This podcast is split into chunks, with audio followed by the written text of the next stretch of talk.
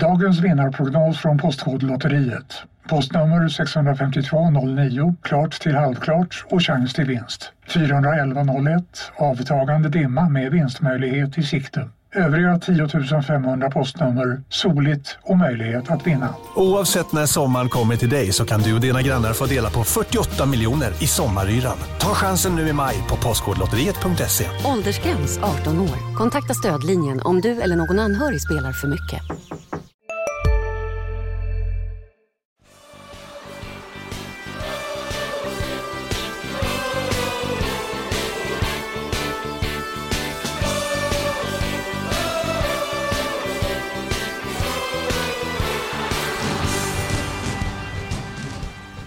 Viktor Wilstrand, varmt välkommen till Landskrona Boys-podden och HDs eh, redaktion.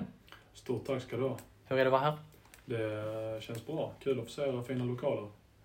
Det är några dagar kvar till årets sista Superettan-match.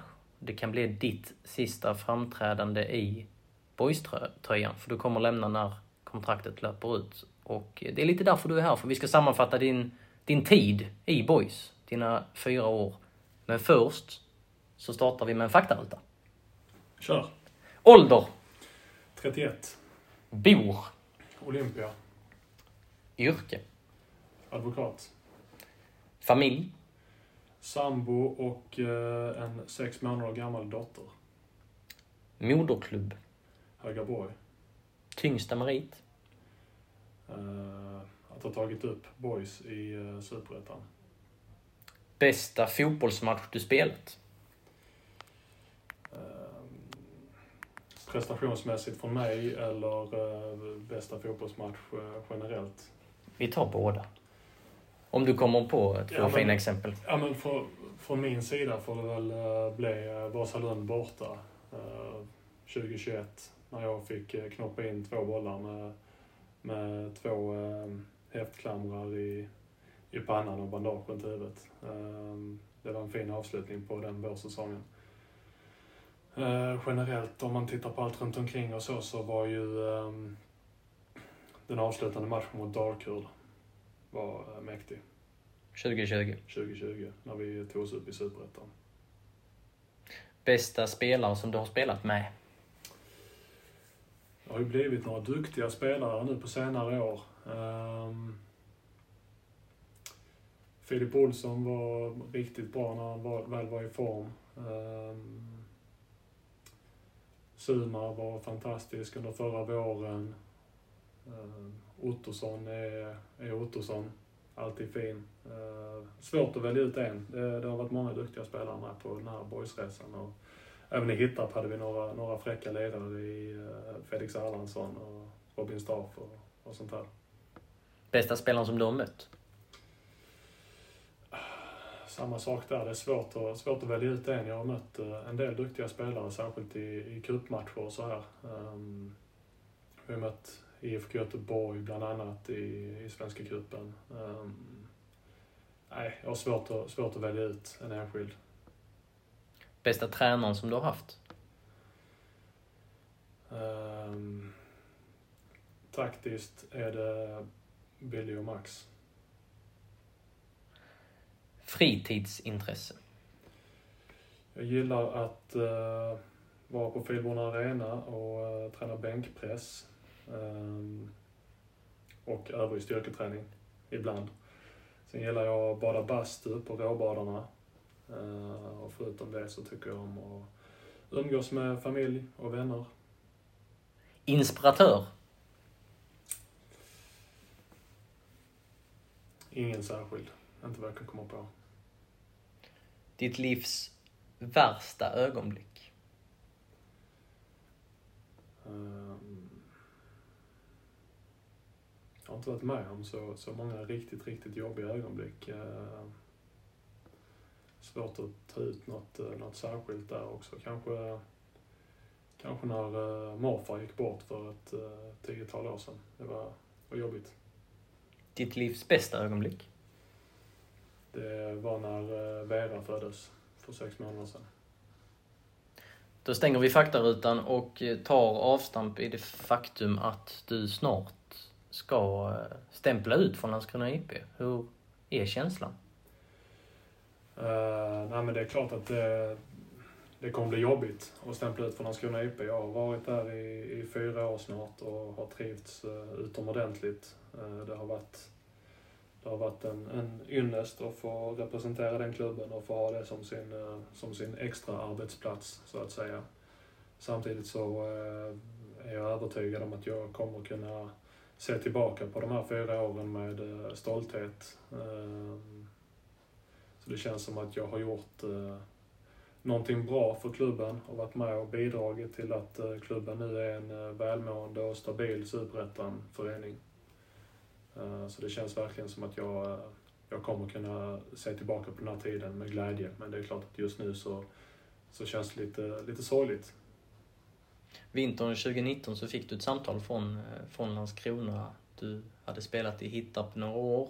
Boys hade trillat ur superettan. Det var ett nybygge Eh, och nya spadtag eh, där nere i Landskrona. Och så fick du det samtalet kring att de var intresserade. Hur, hur reagerade du där och då? Mm, För du hade ju inte rört dig på den nivån tidigare. Nej, precis. Nej, det var nog till och med senhöst 2018. Eh, om jag inte mm, okay, ja. Um, så det var ju inför säsongen 2019. Och det var väl det var Max som hörde av sig till att börja med. Han skrev något sms till mig när jag var på väg till gymmet minns jag.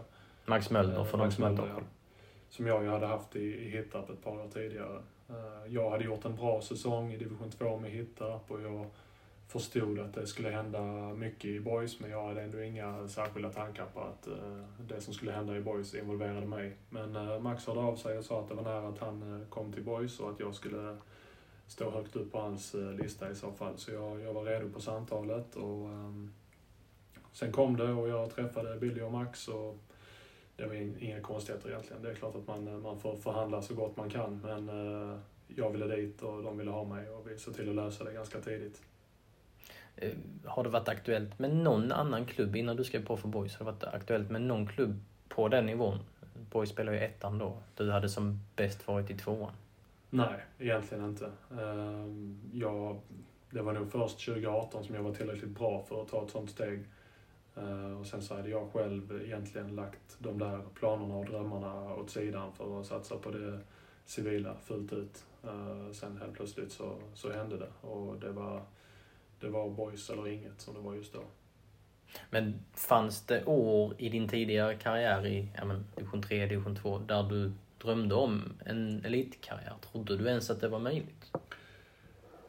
Alltså, kanske inte under tiden i Hittarp, för då, då hade jag blivit så pass eh, gammal att jag kände att uh, det här är nog min nivå. Um, det var väl framförallt när jag var ung talang i Högaborg som jag verkligen ville bli eh, professionell fotbollsspelare och verkligen satsade fullt ut på det.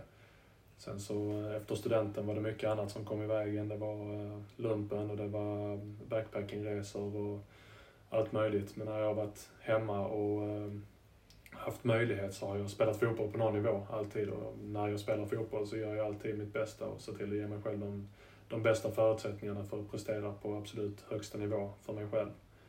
Men eh, jag tror ändå att någonstans där runt 20-22 års åldern så hade de drömmarna eh, försvunnit ganska ordentligt. Du sa ju även som ung talang i Högaborg, var du, var du en av de bästa liksom, i övre tonåren? Inte i övre tonåren, då var jag absolut inte en av de bästa. Eh, Sjumanna, där var jag riktigt Okej, okay, okay, vi backar bandet så långt.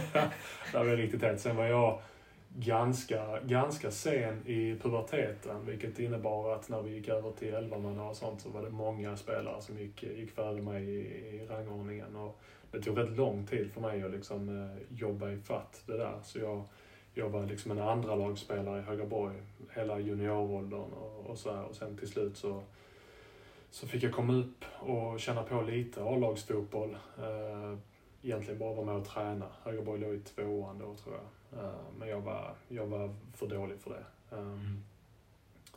Så där, det året jag tog studenten, 2010, var jag utlånad till Gantofta en säsong och spelade division 4-fotboll. Blev jumbo i division 4 eh, med Gantofta. Hur gammal var du då? Ja, hur gammal är man om man tar Ja, studenten? du, ja 19, 19 då. 19, ja, precis. det hade jag kunnat räkna ut Ja. själv. Ja, det hade du nog. Mm. Um, nej, men och jag gjorde väl en eh, stabil säsong där, men det var trots allt i eh, division 4 i ett lag som eh, kom sist i tabellen. Så där kände jag väl att jag kommer nog inte bli något fotbollsproffs, men jag vill i alla fall spela på så hög nivå jag kan, för att det är kul att utmana sig själv liksom. Så efter det så, varvat med lite resor och lumpen och grejer, så gick jag tillbaka till Högaborg och gjorde väl några division 2-matcher där. Um, men var egentligen inte tillräckligt bra för division 2, tycker jag själv. Sen efter det blev det någon säsong i Rå. Uh, Och därefter Hittarp då i fem säsonger. Och det var väl där framåt slutet av Hittarpstiden som jag verkligen kände att uh, jag har någonting mer i mig. Vad var uppfattningen kring dig när du harvade omkring i Rå och första säsongerna i Hittarp, tror du? Hur såg folk på dig då? Nej, men Ja, jag tror nog att folk, folk såg väl mig som en eh, stabil eh, mittback på division 3-nivå. Stor och stark, inte mycket mer än så. Och när fick du fler dimensioner i ditt spel? När började det hända grejer? Ja, men det var nog sätt? framförallt de, eh, de två sista säsongerna i Hittarp, kan jag tänka mig. Som jag var... I och för sig, det var, det var ju faktiskt eh, lite tal om att jag var på väg till Lunds BK och Torns IF eh, redan inför säsongen 2016, så jag hade väl gjort någonting bra i division 3 i alla fall. Eh, De låg i division 2 då, båda, båda Ja, lagen. jag minns, det ringer någon klocka här nu. Jag Ja. tror att jag har skrivit om Ja, det. du ja. skrev en artikel om det. Mm. Det- Du minns jag det? Också. Ja, Mm. jag, jag minns alla artiklar. Framförallt minns mamma alla artiklar. Ah, okej. Det finns i någon pärm där hemma. Um, nej, men så det, det var faktiskt eh, tal om det, men det var ju på division 2-nivå. De var då. Och det var när jag pluggade i Lund eh, och bodde i Lund. Så det var, det var Så ganska det var nära. den tydliga kopplingen också, att du verkade i stan. Precis, precis. Och det var, det var ganska nära att jag gick till Lunds BK då, men uh, Hittarp eh, lyckades övertala mig att, att stanna och pendla, pendla från Lund för att spela i Hittarp uh, ändå. Eh, och det var väl vettigt, för det var det året vi vann division 3 och det var kul att få vara, vara med om en sån sak. Ehm, sen så där, i den vävan, så kom det väl någon, någon slags uh, late bloomer-utveckling. Uh, eh, saker och ting började började liksom falla på, på plats och jag, jag insåg vad jag skulle göra och inte göra på en fotbollsplan. Och det fysiska kunde jag utnyttja på rätt sätt. Uh, Det räcker inte liksom att ta mycket bänkpress utan man ska kunna liksom göra det till någon slags fördel på, på plan också. Jag minns att jag gjorde en annan artikel med Johan Crawford Larsen som var en av Hittarpstränarna då under den, men om vi ska kalla det din genombrottssäsong då. Och då sa han att eh, Viktor Wihlstrand håller superettanivå. Om jag inte minns fel så jämförde han dig lite med David Luiz. Att du hade fått eh, in sådana eh, dimensioner i ditt spel att du kunde driva fram boll, hitta vinklar med ditt passningsspel och sånt. Okej. Okej. Ja, det, det, det minns jag inte, David Luiz-liknelsen. Men eh, jag minns i alla fall att han, eh, att han nämnde att jag håller superettanivå. Och ja, om jag inte gjorde det då så, så gör jag det nu i alla fall. Det är kul att ha fått, eh, fått liksom svara på, på eh, hans uttalande där. Men eh, var det just någonting sånt som hände i ditt spel, att du blev bättre med boll? Nej, det tror jag inte. Utan det var nog snarare att jag var, jag var väldigt stabil defensivt det sista året i, i Hittarp. Eh, och sen så är det klart att spelet med boll, ja, ja det funkade det också, men det, det, det var väl inte min stora USP. Ehm, jag har en bra passningsfot och jag har alltid haft en bra passningsfot. Sen så kanske jag förvaltade den lite bättre sista året, eh, om nu Dalle säger det. Var det några andra klubbar med i bilden eh, den vintern när du valde Boys? Nej, nej. Det var, det, Boys hörde av sig väldigt tidigt och jag tror jag skrev på för dem redan i början av december. Ehm, så det, var, det, det hann nog inte bli någonting annat och jag vet inte om det hade blivit något annat eh, oavsett. Det var Boys som gällde helt enkelt. Vad var det för klubb du kom till där i januari 2019 när du kom in i omklädningsrummet och började träna med ditt nya lag? Ja, det var ju ett uh, ordentligt hopplock av eh, lokala spelare från, uh, från framförallt lägre nivåer. eh, så var det. Men jag tyckte att jag märkte redan, de redan första liksom, träningspassen att det var, det var en högre nivå än vad jag kom ifrån. Um, det var ju spelare kvar liksom som hade spelat på, på högre nivå i ett antal år och det, det kändes. Framförallt kändes det att jag kom till en klubb som var väldigt mycket större än, eh, en Hittarp som jag kom ifrån. Och där intresset runt omkring var väldigt mycket större än vad jag var van vid. Så jag tyckte att det var eh, jätteinspirerande att få komma dit och liksom känna på hur det var att eh, spela i en klubb där det finns mycket folk som, som bryr sig. Ehm, och i omklädningsrummet så tycker jag att vi fick ihop en, eh, en fin grupp och en fin gruppdynamik i princip direkt. Vi hade något vi hade något inledande fyspass där det var väldigt, väldigt tyst, uh, minns jag. Det var riktigt stel stämning. Det var liksom innan folk hade lärt känna varandra, men det, det höll nog bara i någon vecka. Sen så kom det igång ordentligt. Och vi hade många, många sköna karaktärer i truppen som gjorde att vi kunde få ihop en bra grupp direkt. Hur hanterar du och bara den grejen att, att spela inför publik som du inte alls hade gjort i samma utsträckning tidigare? Hur, hur var det? Alltså, jag var ju väldigt, eh, jag var ju väldigt nervös. Jag tror vi har pratat om det tidigare, att eh, inför, inför premiärmatchen där i division 1 2019 så jag tror vi hade Trollhättan hemma. Ja, 1-0 blev det. 1-0 blev det och, och jag tror matchen var typ i fem på eftermiddagen. Så jag hade ju haft hela dagen på mig att gå runt och ha ångest liksom. Eh, Linus Olsson brukar, eh, brukar reta mig för det, för jag, jag liksom förklarade att jag hade spenderat min dag med att, med att eh, varva att sitta hemma och försöka ta lugnt med att gå ut och ta promenader för att hålla igång kroppen. Liksom. Så jag hade nog varit ute på en fyra, fem promenader den dagen. Eh, för att stilla, stilla ångesten lite. Eh, så det var nervöst, men det var ju extremt mäktigt och liksom eh, förlösande. Efter matchen var det ju en otrolig känsla. Gick du runt med en oro kring om du skulle hålla på den nivån?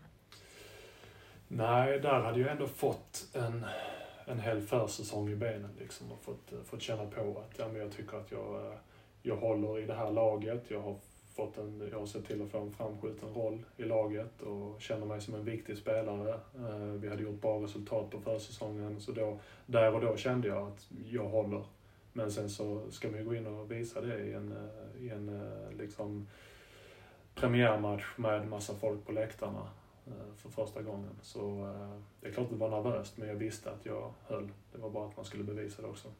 Har du varit lika nervös inför någon annan match? Alltså Dalkurd, Dalkurd-matcherna var på en helt annan nivå. Det gick inte att sova. Framförallt andra matchen uppe i Uppsala. Där det blev inte många minuter sömn den natten. Men jag är jag blir nervös inför matcher. Jag har prestationsångest.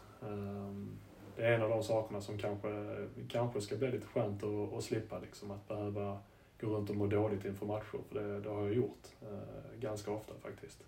Sen så när man väl är där ute och spelar så släpper den där ångesten och efter matchen så är allting eh, jättebra fram till att nästa ångestpåslag eh, kommer krypandes inför matchen nästa, nästa vecka. Eh, men Dalkurd borta, det var, det var hemskt inför. Det var det.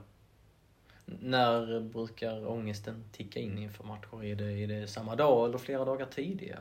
Ja, det kan nog vara mm, två dagar tidigare. Två, två, tre dagar. Lite beroende på vad det är för match. Hela den där kvalveckan mot Dalkurd, det var ju en speciell vecka liksom. Och så förlösande först och främst att vinna på hemmaplan, men sen så kom ju nervositeten och pressen på att eh, ta oss upp när vi väl hade gjort ett så bra resultat hemma liksom. Så eh, där var det hela veckan var tufft där. Hur, hur hanterar du just eh, det ångestpåslaget eh, den, den kvalveckan? Mer än att eh, gå tusen promenader kanske? Ja, nej, men jag försöker, försöker göra samma saker som jag alltid gör. Försöker uh, arbeta som vanligt, försöker träna som vanligt, uh, försöker tänka på annat framförallt. Men uh, så fort man tillåter sig att sätta sig ner och reflektera lite så, så kommer ju de där tankarna och då, då blir det jobbigt. Så jag, antar att jag försöker hitta på saker för att, för att uppehålla mig själv och mina tankar. Mm. Du, du var inne på det, du fick tidigt en framskjuten roll i laget, eh, i gruppen. Eh, har ju burit lagkaptensbindeln många gånger. Du blev, blev direkt eh, liksom kallad ledargestalt i, i nya Boys där den säsongen mm. 2019. Var det, var det naturligt för dig att komma in på det sättet och bidra med ledaregenskaper? Ja, alltså det, det, det är sånt som jag är som person, så det var inte så att jag, att jag eh, bestämde mig inför boystiden att jag, nu ska jag bli en ledare, utan jag, jag har agerat så som jag har agerat tidigare och jag har nog naturliga ledaregenskaper och det, det syntes ganska tidigt där och särskilt när vi var en så nykomponerad grupp, då, då behövs det folk som kliver fram och, och på något sätt tar en, en ledarroll och då var jag då blev det naturligt att jag var en av de som gjorde det tillsammans med Fille och Kaddo och kanske ett par till. Phil, Filip Andersson. Precis, och Kaddo, Amkadova. Ja, precis. Så har alla koll på det. Ja. Eh, 2019 avslutades ju eh, inte med glädje faktiskt, trots att det var en eh, imponerande säsong på många sätt och vis för nykomponerade boys. Så blev det ju förlust i kvalet mot Öster. Mm. Hur var den eh, erfarenheten? Eh, hur var den kvalveckan? Den kvalveckan var inte riktigt lika illa för mig personligen. Dels för att jag själv, jag hade varit lite eh, halvdålig i ett lår i eh, veckorna innan där och det, det blev att jag fick sitta på bänken mot Öster. Dels för att det kändes som att det här kanske inte är det året vi måste gå upp, utan jag tror att vi alla, det är klart att det var tufft att förlora kvalet mot Öster när man var så nära, men vi kände nog allihopa att vi var nöjda med vår säsong ändå och att vi hade något bra på gång och att det kanske inte var riktigt så bråttom att gå upp i Superettan igen. Så, så besvikelsen hade varit väldigt mycket större om vi hade förlorat året efter mot Dalkurd. Så där kände vi verkligen att, att där, då ska vi gå upp liksom. Och, och vad, vad hände 2020? Vad gjorde att ni kunde ta steget fullt ut då? Det var nog att vi, vi fortsatte på den inslagna vägen. Vi hade haft ett eh, framgångsrikt 2019 och vi eh, jobbade vidare på vår spelidé. Vi utvecklades som spelare, vi utvecklades som grupp. Eh, vi hade eh, ordentlig kontinuitet. Det var i princip samma trupp. Det var väl Ondrejka som försvann till Elfsborg, men förutom det hade vi nästan samma trupp. 2020 eh, spetsat med ett par nyförvärv då. Så det kändes som att vi, eh, det var liksom vårt år. Sen lyckades vi inte ta första platsen för att eh, Värnamo var för starka. Men vi tog kvalplatsen och vi slog Dalkurd rättvist. Så det var, det var vårt år det där. Ja, ska vi försöka placera oss i Uppsala den där decemberkvällen när det blev stor glädjeyra. Mm. Hur var det att springa runt där och le och kramas och jubla över det säkrade superettan-avancemanget? Ja, det var, det var en riktigt stor känsla faktiskt. Man, eh, då hade jag varit i Boys i två år och jag hade liksom förstått någonstans hur mycket Boys betyder för folk. Eh, både i Landskrona och utanför Landskrona. Det är liksom folk här i Helsingborg som kommer fram och snackar Boys eh, i tid och otid. Så, så just det att kunna, att kunna ge den, den glädjen till folk, det var, eh, det var riktigt häftigt. Det var det. Eh, och det hade känts riktigt jobbigt om vi inte hade klarat det, för då vet man att eh, vi hade gjort mycket folk ledsna och besvikna. Så det var stor, stor lättnad och stor glädje. Att få ringa hem till familjen på Facetime från, från innerplan där när de satt liksom 20 pers hemma i mammas och pappas vardagsrum. Det var, det var riktigt häftigt hur emotionellt var det under de dagarna? Ni drog ju senare till, till Skansen i Båstad och firade vidare eh, laget och så. Mm. Ja men det var, det var emotionellt och det kom liksom i olika etapper för olika personer och det var vissa som bröt ihop redan direkt på, på plan vid, vid slutsignal. Um, jag själv uh, rent emotionellt uh, nådde väl jag min eh, kulmen i, i Båstad Eh, med ett antal eh, alkoholhaltiga enheter eh, innanför västen. Det var, vi höll, vi höll massa tal liksom under middagen efter att ha festat hela dagen tillsammans då och så höll Kaddo något tal där han, där han hyllade Alexander Tekac för att han hade liksom kämpat sig tillbaka från en, från en långvarig skada och så. Och där, då liksom någonstans, det, det satte fingret på liksom hur fin den här gruppen var för att Kadu hade själv haft ett år med en korsbandsskada och inte spelat alls. Um, så för mig brast det där och då, då eh, kunde tårarna inte, jag kunde inte få stopp på tårarna under resten av kvällen. Så lite fylla och lite liksom, uh, lite liksom uh, spot on av Caddo där. Och då var du ju plötsligt, även om det tog lång tid, så någonstans plötsligt var du en superett. Mm. Det som du inte kunde tro på några år tidigare. Ja men precis, och det, det sjönk väl någonstans in där också. Att nu, nu ska jag få testa på den här nivån. Liksom. Jag trodde att division 1 kanske var gränsen men nu, nu, blev det, nu flyttade jag gränsen ytterligare. Och, det, och då hade jag ju skrivit på nytt kontrakt och allting också så jag visste ju att det var, det var klart att det skulle bli superettan för mig. Och det är häftigt. Verkligen häftigt. Det är bara en nivå kvar. Den, eh, den Drömmer du rätt- om den allsvenska nivån? Den känns rätt långt borta just nu. Vi ska komma in på framtiden sen, så Ja, du kanske avslöjar något allsvenskt erbjudande då, vem vet? Ehm, när ni klev in i eh, 2020 och, eh, eller vad säger jag, 2021 eh, och uh, Boys comeback-säsong i Superettan. Hur var känslan kring klubben? Jag minns jag var på, på den första träningen där i januari och, och eh, det regnade lite, det var lite, det var lite vinterruskigt men det verkade vara en väldigt god stämning. Både i laget och i klubben. Ja men verkligen. Då, då hade det verkligen vänts till en välmående förening. Eh, och en eh, förening med, med ett representationslag som precis har gått upp till den näst högsta serien där man i alla fall just nu vill vara. Eh, eller just då ville vara. Så det, allting var verkligen eh, frid och fröjd och, bara glada miner. Vi hade dessutom, eh, vi var inne på starten av det tredje året med i princip samma gäng i omklädningsrummet. Så det var, det var bara glädje och tillförsikt. Vad var det lagets största kraft?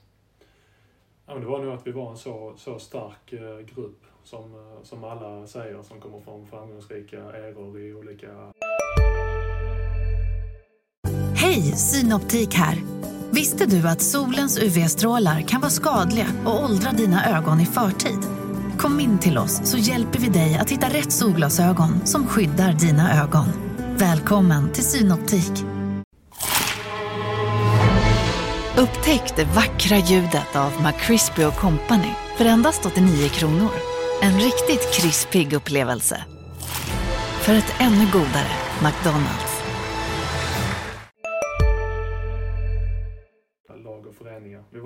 Jättestark sammansvetsad grupp och vi visste exakt vad vi liksom kunde kräva av varandra. Och vi var inte rädda för att ställa de kraven på varandra heller. Och här blev det ju faktiskt en, eh, en hype kring, eh, kring det här eh, boyslaget. Sveriges bästa amatörer och ett eh, arbetargäng och bara skåningar i truppen. Och ni, ni toppade superettan länge. Gjorde en succévår och- och en bit in på sommaren också. Resultatrad efter resultatrad som var succéartad. Hur var eh, hela den perioden som var hur ljus och lyckad som helst de där månaderna? Ja, ja, hela den där eh, vårsäsongen, första halvan av säsongen var ju fantastisk. Eh, både för mig personligen och eh, för laget såklart. Vi, vi gjorde jättebra resultat som du är inne på. Allting var, eh, allting var guld och gröna skogar. Ehm, vi mådde riktigt bra som grupp och lag och det var kul med den hypen också med att vi var ett knegargäng med bara skåningar. Det är klart att man inte kan eh, hålla fast vid sånt där i all framtid men eh, det var roligt att vi var ett, vi var ett så sammansvetsat gäng och där folk hade saker utanför fotbollen. Det var också någonting som förenade oss på något sätt. Att det var, det var inte bara fotboll utan vi kunde sitta och snacka om vad, vad Hoffa hade gjort på sitt eh, byggjobb under dagen. Liksom, eller vad jag hade skrivit för avtal på mitt, eh, på mitt kontor. Eh, Det var, det var lite, lite fler dimensioner i, i hela grejen och det var, ja, det var riktigt kul. Märkte ni inom gruppen, märkte du att det snackades om boys även i fotbollssverige? Inte bara här i vår lilla nordvästskånska damm. Jo, men det är klart att det, det märktes av, det tycker jag. Det var ju någon artikel i, i Kvällsposten och det var något SVT-reportage om jag inte missminner mig. Um, Ja, men det märktes att det blev lite, lite av en, eh, av en uh, rikstäckande hype. Men när man, är, när man är mitt i det så, är det, så reflekterar man kanske inte jättemycket kring det, utan det är väl framförallt i, i efterhand. Och när eh, Discoverys eh, expert Per Hansson skulle sammanfatta vårsäsongen så tog han ut eh, men, MVP eh, under våren och eh, sin, eh, den, den elvan han tyckte var bäst helt enkelt. Mm. Det var tre boysare med i den. Det var Somal Madjed, det var Alexander Tkac och det var Viktor Wihlstrand. Som ju inte skulle hålla i Superettan egentligen. Men så var du där. I vårens elva. Ja. Jag gjorde en bra vår. Det gjorde jag verkligen. Det var, eh, jag svävade ordentligt den våren. Och ibland är det bara så när man är i riktigt bra form att saker och ting faller på plats och man, saker och ting man gör blir bra oavsett, oavsett vad man gör i princip. Och det kändes som en sån vår där eh, alla motståndarnas inlägg landade på mitt huvud och alla mina passningar gick fram till rätt adress. Eh, jag fick eh, jag fick övertag på alla anfallare jag mötte eh, och sådana saker. Och det, vi hade en väldigt bra dynamik. Jag, täcket då och så Suma framför som sexa och sen så hade jag ju Phil Olsson eh, oftast eh, snett framför Suma där och vi hade en, en riktigt fin fyra där som fungerade extremt bra tillsammans under våren. Eh, sen så av olika anledningar så, så blev det tuffare under hösten. Vi hade lite skador. Jag tror att täcket var borta ett tag. Phil Olsson var borta ett tag. Sen Suma var ju borta hela hösten och då, då försvann lite av, eh, av den dynamiken liksom. När man behöver börja laborera och byta spelare på olika positioner och så. Ehm, så det blev tuffare sen. Men eh, under våren var det fantastiskt. Var det i den vevan som du kände att du också tappade den, den där magin som du hade under under våren där alla passningar gick fram och alla inlägg fastnade på just dig? Eller när, när vände det för dig? Nej men det var nog eh, i takt med att det liksom vände för laget i stort. Vi, vi fick göra lite för mycket förändringar i, i startelva och grejer. Um, och det, det, blev svårare med relationerna på planen för att man fick in andra spelare um, som kanske inte var vana vid att spela på de positionerna de hamnade på. Och, och liksom det, var, det var nytt varje, varje match kändes som. Eh, så det är klart att i takt med att laget eh, tappade i form så tappade även jag i form. Och eh, det, det fanns ju en, en liksom, matematisk chans på, på en allsvensk biljett in i det sista men det var ju, det var ju en ganska mörk höst mm. trots allt. Vilken känsla gick ni in med i den här säsongen? Uh, nej, men känslan inför den här säsongen var väl ändå uh, positiv. Vi, vi hade bevisat att vi höll i Superettan. Uh, sen hade vi fått in rätt mycket nytt blod i laget och det, det är sköna gubbar allihopa uh, som har kommit in där. De har gjort ett, ett bra jobb, både socialt och på, på fotbollsplan. Uh, samtidigt så tappade vi ju mycket av uh, stommen rent socialt Både, både som fotbollsspelare men, men eh, kanske framförallt eh, i omklädningsrummet efter förra året. För det var, eh, det var många spelare som, som försvann, både som gick till Allsvenskan och som inte fick förlängt kontrakt i BoIS. Så, och det, och I alla fall jag tycker att det var lite synd att vi blev av med så mycket av ryggraden i, i gruppen. Hur reagerade du när de här framtidsbeskeden kom? Ja, men för ungefär ett år sedan då. Det var ju sju spelare i liksom ett, ett nafs som, som inte fick förlängt. Sen var det några som blev rekryterade av allsvenska klubbar också, men det var ju många val som, som, som klubben gjorde. Ja, absolut. Nej, de, de allsvenska spelarna är ju en sak. Där är ju inte mycket att säga. Där hade man ju koll på att uh, förmodligen kommer de här spelarna försvinna. Mm. Um, sen spelarna som inte fick förlängt kontrakt. Det, jag blev förvånad över att i princip ingen fick förlängt kontrakt. Eh, de som stannade var väl de som hade kontrakt över det här året också. Eh, jag trodde inte att klubben skulle vilja släppa allihopa. Eh, så jag blev förvånad. Och jag tyckte det var synd och lite ledsamt. För att de var fina killar och var liksom de var väldigt värdefulla för gruppen. Och nu har det ju kommit fler besked här de senaste veckorna när, där du eh, inkluderas. Du är en av, av eh, några spelare som inte, inte får förlängt kontrakt och det är flera till som, som lämnar. Det senaste året så är det 20 spelare som, som har lämnat Boys. Vad säger du om den siffran? Det, är, det, det känns nästan som en uh, sån utrensning som efter 2018. Uh, nu har det i och för sig skett under två olika vintrar liksom. Uh, men det är klart att det, det är lite tråkigt, tycker jag. Uh, att, att eh, det är mycket av stommen som, som försvinner och att, att gruppen förändras på det sättet. Men samtidigt är det så verkligheten ser ut. Ingen grupp är densamma i hur många år som helst, inte inom fotbollsvärlden i alla fall. Spelare kommer och spelare går.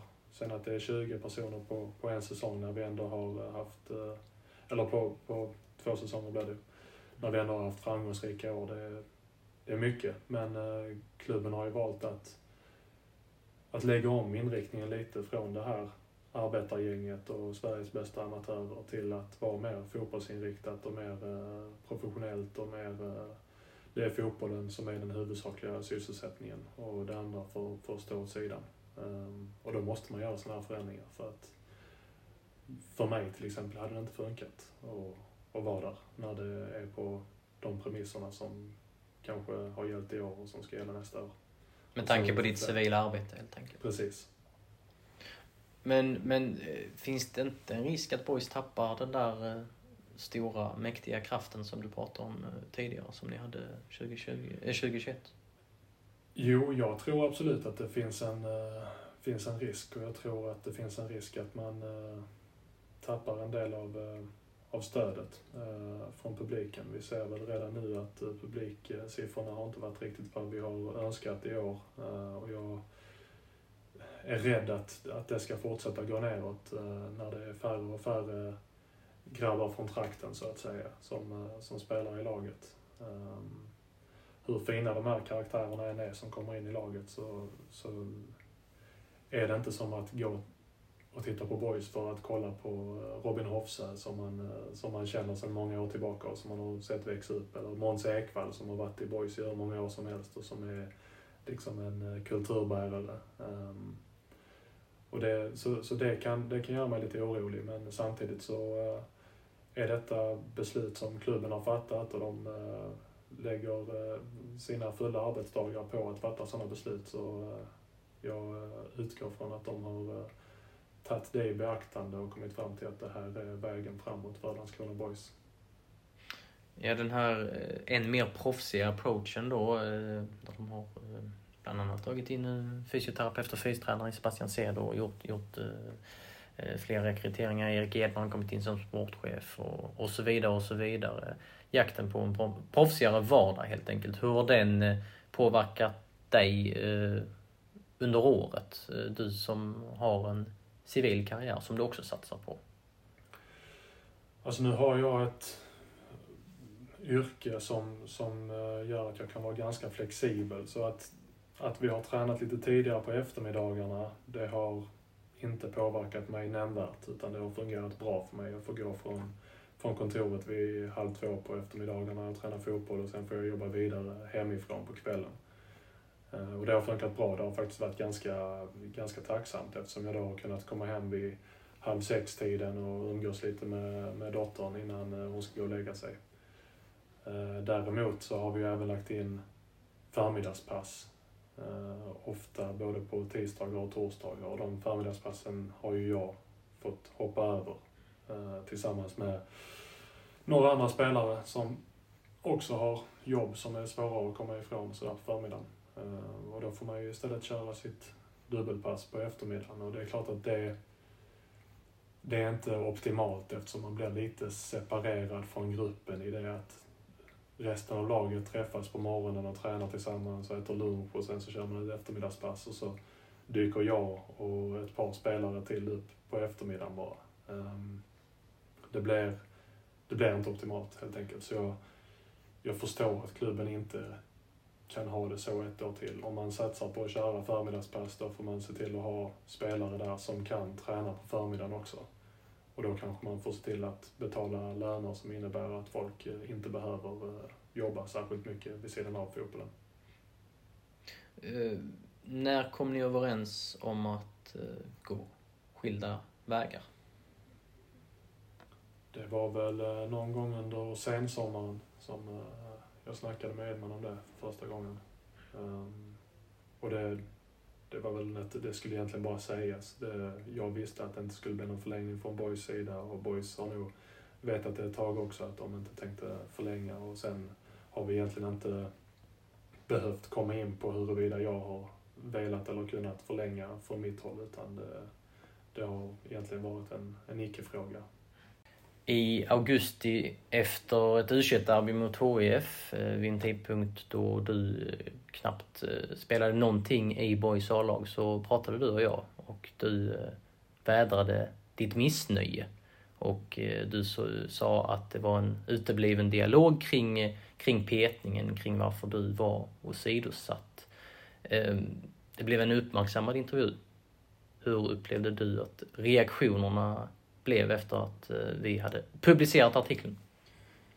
Ehm, ja, den blev uppmärksammad och jag har uh, framförallt fått uh, ta emot ros efter den där uh, artikeln. Det är många som har uttryckt att, att de tyckte det var bra att jag vågade ta upp den där problematiken och ehm, att, jag, att jag vågade att jag vågade stå emot den här tystnadskulturen som, som ofta råder inom eh, fotbollsföreningar. Ehm, sen så är det klart att det finns, det finns personer som tycker att det inte var bra att gå ut och, och prata sådär. Men jag, eh, jag står fortfarande för det jag sa då och jag tror att det kan, eh, att det kan göra nytta för, för Landskrona och för, för gruppen framförallt. Ehm, i synnerhet då för uh, åsidosatta spelare som kanske, kanske får, uh, får en bättre dialog med, med ledarna än vad jag hade under den första halvan av säsongen. Vad sa uh, dina lagkamrater till dig efter den artikeln?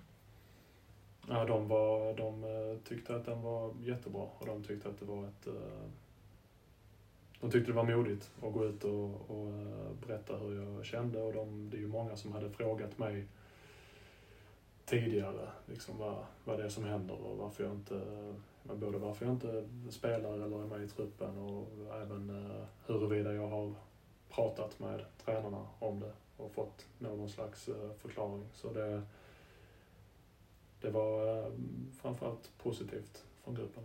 Och sen så är det klart att det, det fanns säkert folk i gruppen som uh, tyckte det var fel och dumt också men det är inte lika bekvämt att komma fram och säga att det var fel och dumt som att komma fram och hylla det. Upplever du att fler i laget har eh, delat dina känslor kring, eh, kring det här? För den problematiken som du då har upplevt är att eh, det har varit en bristande dialog med, med, med tränarna om man då har blivit bänkad och, och så vidare. Ehm, så som jag upplever det så, ja, det, det tror jag. Men ehm, sen vill inte jag gå in för mycket på hur ehm, hur andra personer känner och vad andra personer har sagt till mig utan eh, jag tänker att ehm, jag låter, eh, jag låter det eh, lämnas därhän. Ehm, vi har, artikeln kom ut, jag står för det jag sa. Eh, Billy har fått bemöta det i en artikel och vi har talat ut internt. Jag har pratat med Edman om det, jag har pratat med Billy och Max om det och vi har gått vidare från det helt enkelt. Så eh, jag tänker inte på det längre och jag tror inte att Billy och Max tänker på just det, den artikeln längre heller. Utan vi har en, en bra relation, en eh, fungerande relation liksom som vi har haft genom, genom alla år. Eh, och det där var väl ett, en liten bump in the road som, som alla relationer har. Ja, för ni, ni talade ut. Hur var mötet med Billy Magnusson och Max Mölder? Nej, men det var ett möte där vi, eh, vi kunde ha högt i tak och verkligen eh, säga vad vi tyckte och tänkte om saker. Och det var nog eh, positivt från båda håll. Det tror jag. För mig var det positivt att få rensa luften och jag tror att Billy och Max har känt efteråt också att det har blivit en bättre stämning och kanske att de också har gått stärkta ur det. Förhoppningsvis det var någon match där eh, efteråt där du gick upp och, och värmde i typ 24 minuten i någon hemmamatch och där, där klacken började sjunga ditt eh, namn. Åtminstone jag tolkade det som någon form av reaktion efter den artikeln. Eh, upplevde du samma sak? Ja, det upplevde jag. Eh, och det var, det var häftigt. För det är klart att även om jag framförallt får, får hejarop så, så som sagt, det är mer bekvämt att gå fram och hylla en person för någonting den har gjort än att såga personen face to face i alla fall. Så det var, det var häftigt att få känna att jag hade så pass starkt stöd bland, bland publiken där. Så det var jag tacksam över. Framtiden då? Vad händer nästa år? Kommer du spela fotboll först och främst? Fotboll kommer jag att spela på någon nivå. Eh, det kommer jag göra.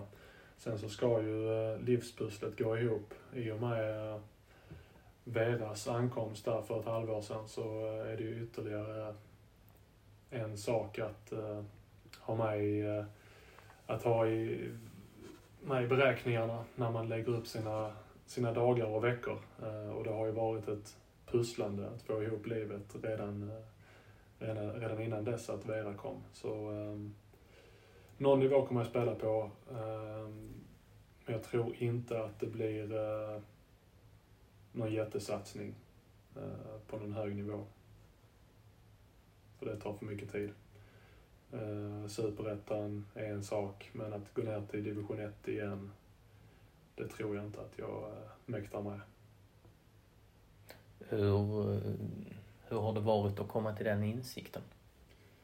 Nej, men det är väl klart att det är synd att uh, känna att man behöver uh, trappa ner, men samtidigt så eh, har allt ett slut och det kanske är slutet på den där satsningen för, för mig nu för att jag har valt att ta på mig så mycket annat i livet. Vi har valt att uh, skaffa barn, jag och sambon. Och jag har valt att satsa på mitt uh, civila yrke. Och då, det finns inte tid för allt helt enkelt. Så uh, någonstans har jag väl uh, accepterat att det är så det kommer att få vara. Och jag, som vi var inne på tidigare, så tror jag att jag kommer kunna se tillbaka på de här fyra åren med glädje och stolthet och som någonting som jag fick uppleva som någon slags bonus. För jag trodde inte att jag skulle få göra det. Den 22 eh, september eh, så skrev jag en artikel om eh, klubbarna som står i, i intressekön framför dig då. Eh, Ängelholm, Eskilsminne, Hittarp, Åstorp, Högaborg eh, och eh, Fortuna och att Jönköping Södra i Superettan har förhört sig eh, tidigare. Du ville inte kommentera det. Du var lite, ja, du pratade mycket om annat men du var fåordig när jag eh, frågade om de där klubbarna. Ehm, kan du bekräfta någonting eh, nu? Ligger det eh, någonting i det? Kommer du spela i någon av de klubbarna nästa år? Jag har inte bestämt mig ännu. Uh, ingenting är påskrivet ännu. Uh, men med tanke på vad jag nyss sa om division 1 så kan man ju kanske stryka Eskilsminne och Ängelholm från den listan. Uh, det blir liksom för mycket tid som behöver investeras helt enkelt. Jag har varit på den nivån och division 1 är det är kanske kul och inspirerande när man kommer underifrån och ska och siktar uppåt. Men uh, inte nu längre. Ehm, de andra klubbarna, ja, Jönköping går ju bort av geografiska skäl. Jag kommer inte liksom packa ihop familjen och flytta till Jönköping och säga upp mig från, eh, från eh, byrån här i Helsingborg. Eh, övriga klubbar har jag inte tagit ställning kring ännu. Men du, du kan bekräfta att du har haft kontakt med de här klubbarna? Uh, ja, på ett eller annat sätt har jag varit i kontakt med de där klubbarna. När kommer du ta ett beslut? Jag tror jag kommer ta ett beslut um, förhoppningsvis så snart som möjligt efter att vår egen säsong är slut. Uh, men samtidigt så känner jag ingen uh, jättestress utan jag tror och hoppas att jag får lov att komma till någon av de här klubbarna, även om jag bestämmer mig i december. Hur är det att vara i den här sitsen?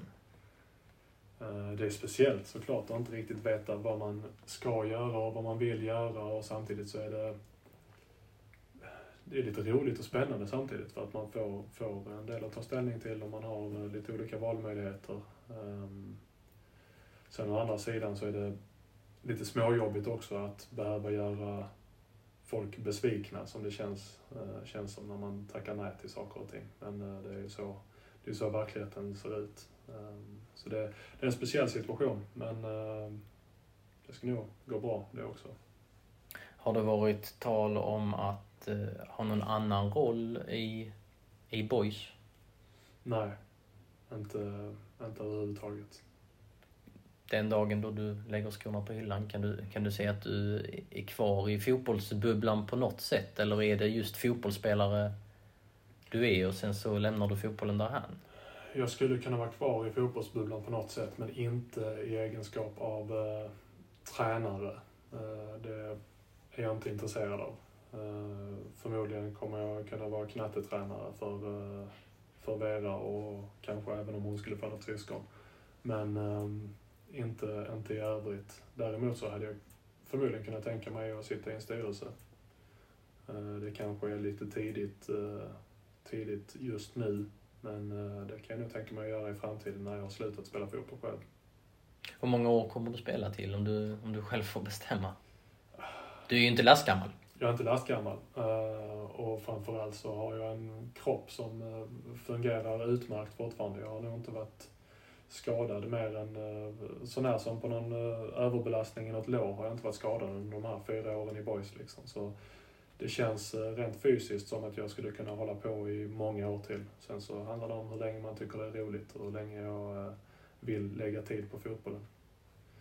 All tid på fotbollsplan är ju tid som man slösar från bänkpressen. Så är det. Ja. Det är någon form av motto som du har eller? ja, nej, men jag, än så länge är jag inte redo att sluta spela fotboll utan jag fortsätter och sen så får vi se. Så länge det är kul spelar jag. På eh, lördag så är det som sagt Superettans eh, sista omgång. Tror du att du får någon minut på planen och att du därmed får säga tack och hej från planen? Eh, jag tror att eh, Billy och Max är fullt inställda på att eh, göra en så bra prestation som möjligt och att förhoppningsvis vinna matchen. Ehm, så jag tror inte att de kommer lägga tid och energi och slösa byten på att jag ska gå in på plan och bli hyllad. Ehm, däremot så eh, tror jag att jag kommer få en avtackning inför matchen. Sen får vi se om, eh, om de tycker att det gynnar vår eh, prestation att byta in mig, eller att starta mig för den delen. Föga troligt dock. Ehm, men det är nog på, på de grunderna i så fall. Kommer det kännas speciellt på lördag när du eh, kör bilen från Helsingborg till Landskrona IP för, för din kanske sista match då? Om du blir med i truppen och så vidare. Men mm. det, är väl, det är väl troligt att, att du blir kallad till matchen?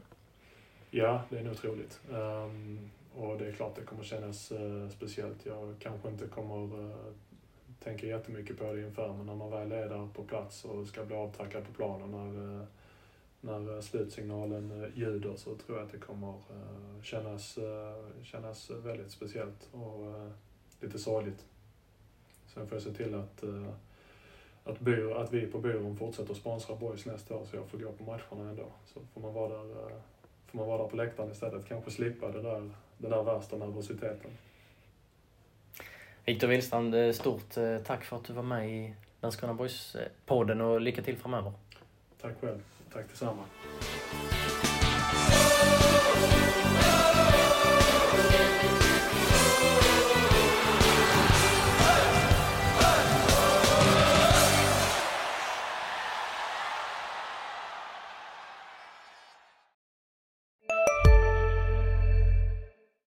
En nyhet. Nu kan du teckna livförsäkring hos Trygg-Hansa. Den ger dina nära ersättning som kan användas på det sätt som hjälper bäst. En försäkring för dig och till de som älskar dig. Läs mer och teckna på trygghansa.se. Trygg Hansa. Trygghet för livet. Just nu till alla hemmafixare som gillar julast låga priser. En slangvinda från Gardena på 20 meter för vattentäta 499 kronor. Inget kan stoppa dig nu.